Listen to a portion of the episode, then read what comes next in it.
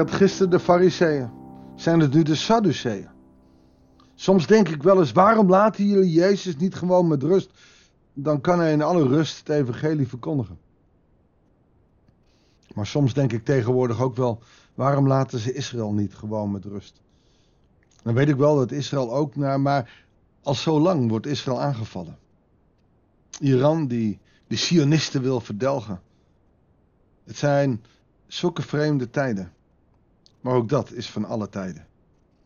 En het belangrijkste is in deze gebrokenheid. We zorgen dat we bezig zijn met de juiste vragen.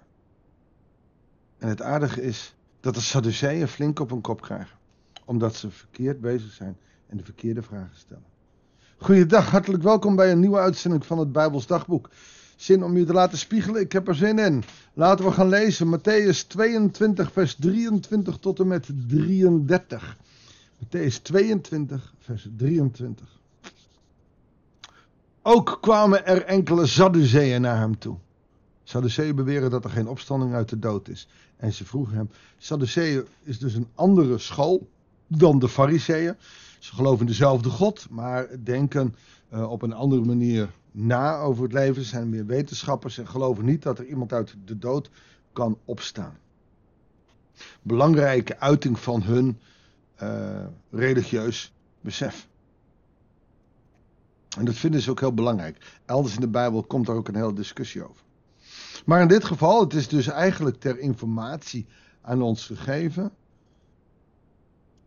Uh, gaan ze een andere kant op. Meester, Mozes heeft gezegd.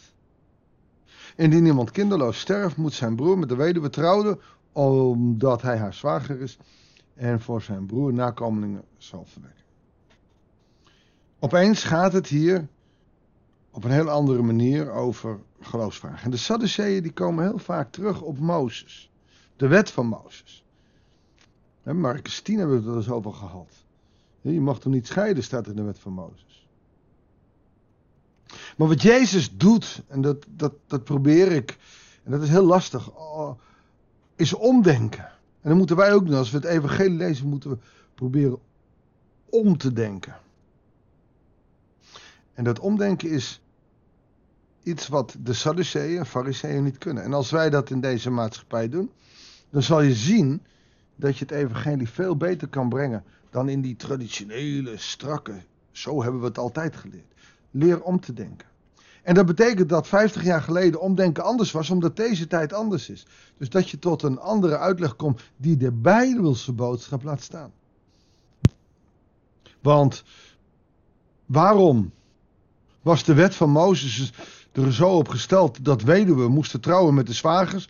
Dat was om zijn toekomst te geven. Dat is een pensioensregeling. De verantwoordelijkheid van een zwager was als je broer doodging, dan nam je de weduwe op. Want als die geen kinderen had, had ze geen toekomst, was ze gedoemd om te sterven. En, en een van de belangrijkste wetten die er is, is zorg voor de armen en de weduwe. Want zij hebben geen pensioen, ze hebben geen toekomst. En in, in Israël moet iedereen een toekomst hebben. Bij ons kennen we dat al lang niet meer. Dan gaan ze maar naar de steun, naar een uitkering, dan een AOW. Wij zorgen niet meer voor onze ouderen. Diep tragisch, diep verdrietig, maar het is zo. Zo gaat het nou eenmaal. In die tijd was het belangrijk. Dus de wet van Mozes, die, die was daar ook helemaal goed in. Maar de vraag die ze eraan koppelen, die gaat daar niet om. Maar ze gebruiken hem wel voor. Want ze gaan nog even leggen. Nu kunnen wij een geval met zeven broers. De eerste trouwde, maar stierf kinderloos en liet zijn vrouw na aan zijn broer. Hetzelfde gebeurde met de tweede, de derde tot aan de zevende toe. Een slecht geslacht. Alle zeven broers gaan dood. En de vrouw die trouwt maar en die trouwt maar.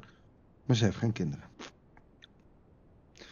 Maar de vraag is helemaal niet over de kindertijd. Want als het laatst van alles stierf de vrouw. Maar de vraag is naar het hiernamaals. Ze geloven niet in de opstanding uit de dood. Wiens vrouw zal zij bij de opstanding zijn? Waar ze het hier over hebben is niet de opstanding uit de dood. Dat is dat wanneer uh, de Messias komt en alles goed zal komen. Wat wij zeggen, de nieuwe hemel en de nieuwe aarde. Van wie zal zij een vrouw zijn? Van welke van die zeven broers? Alle zeven immers zijn ze met haar getrouwd geweest. Een logische vraag. Het is een vraag die ik heel vaak nog tegenkom. Zal ik mijn man, zal ik mijn vrouw nog herkennen als ik in de hemel kom? Dat is deze vraag. Zullen we elkaar nog kennen? We gaan kijken wat Jezus als antwoord gaf. Jezus gaf een ten antwoord: U dwaalt. U kent de schriften niet. En de macht van God evenmin. Want bij de opstanding trouwen de mensen niet. En worden ze niet uitgehuwelijkt. Ze zijn dan als engelen in de hemel. Van engelen weten we dat dat een soort euneugen zijn. Neutrale wezens die God dienen. En we zullen net als de engelen zijn. Als je dit letterlijk neemt, dan zal ik mijn vrouw als zijnde mijn vrouw niet herkennen. Ik zal haar in Christus wel erkennen, maar dat doe ik met iedereen. Dus voor mensen die heel graag willen hun partner terug te zien naar de dood, is dit misschien wel heel slecht nieuws. En ik weet dat pastoraal gezien in, in, in, in, in, in preken kan ik dit ook niet altijd zeggen, maar hier op dit platform zeg ik het wel. Um, we verlangen dan ook niet meer naar een partner. We zijn dan bij onze grote partner, bij onze hemelse vader. Het is dan niet belangrijk met wie je getrouwd bent en hoe je getrouwd bent. Je zult daar je ruzies niet meer uit kunnen praten. Je zult daar de liefde niet kunnen bedrijven. Je bent daar bij God. Je bent daar in een heerlijke staat. En wij denken over de hemel zo in zo'n menselijke staat. Wat doe ik met mensen die verdriet hebben, die net iemand hebben overleden? Dat laat ik staan. Dan ga ik helemaal niet naar zo'n tekst toe. Wat zou je willen? Ja, ik zou hem zo graag weer even in mijn armen willen nemen. Nou, dat is toch het mooie van de hemel, dat we elkaar weer in de armen kunnen nemen. Dat, dat is een pastoraal antwoord. Theologisch ben ik ervan overtuigd dat ik niet getrouwd ben. En dat het mij ook helemaal niet belangrijk lijkt om dan mijn ouders nog te herkennen, nog te spreken. Oh, nu als mens heb ik die behoefte wel. Ik wou dat ik nog even met mijn vader en mijn moeder kon praten. Maar dat kan niet. Ze zijn er niet meer. Ze zijn overleden. Al een hele poos. En mis ik ze? Ja, ik mis ze nog steeds. Maar zij zijn als engelen in de hemel. Hebt u niet gelezen wat God u over de opstanding van de doden heeft gezegd? Dit is wat hij zei. Ik ben de God van Abraham, de God van Isaac en de God van Jacob. Nou ja, wat is dat nou voor antwoord? Nou, zegt Jezus heel duidelijk, hij is een God. Hij is geen God van de doden, maar van levenden. Het gaat hem om een levende relatie. Het gaat hem niet om mensen die dood zijn. Hij is een God van levenden. En in zijn hemel zullen we levend zijn, alleen op een andere manier dan hier op aarde. Een diep antwoord. Toen de talrijke omstanders dit hoorden, waren ze diep onder de indruk van zijn onderricht. Jezus heeft hier naar de Sadduceeën niets verkeerds gezegd. En hij is ook weer een keer niet in de val getrapt. Want als hij gezegd had, nou de eerste was de echte, dan hadden ze met de wet van Mozes kunnen zeggen, ho ho, maar ze was ook officieel getrouwd met nummer 2, met nummer 3, met nummer 4, met nummer 5, met nummer 6. Iedereen die net getrouwd is, die weet wat het kost tegenwoordig. Dan zou je met zeven toch wel straatarm zijn. Maar dat is even terzijde. Dit is een ongelofelijke, flauwe vraag. Die terwijl toch heel diep is, omdat heel veel mensen hem stellen. Wij willen in onze menselijke staat onze partners straks nog, onze kinderen straks nog herkennen. En het gekke is dat als we dat echt zouden willen, dat we dan niet oprecht van de hemel kunnen genieten. Wij willen als, als menselijk wezen in de hemel zijn.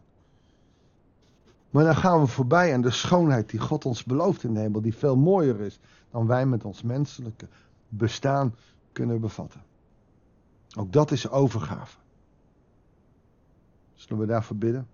Vader in de hemel, we willen zo graag als mens. En u vindt het ook prima, het is ook niet erg. Als iemand denkt dat hij of zij zijn partner nog vindt, dan is het goed. Want we zullen ze ook vinden. We zullen ze erkennen. Heere God, en hoe het er precies is in de hemel weten wij niet. Maar we weten één ding wel. Het is daar mooier en beter dan wat we hier op aarde zullen meemaken.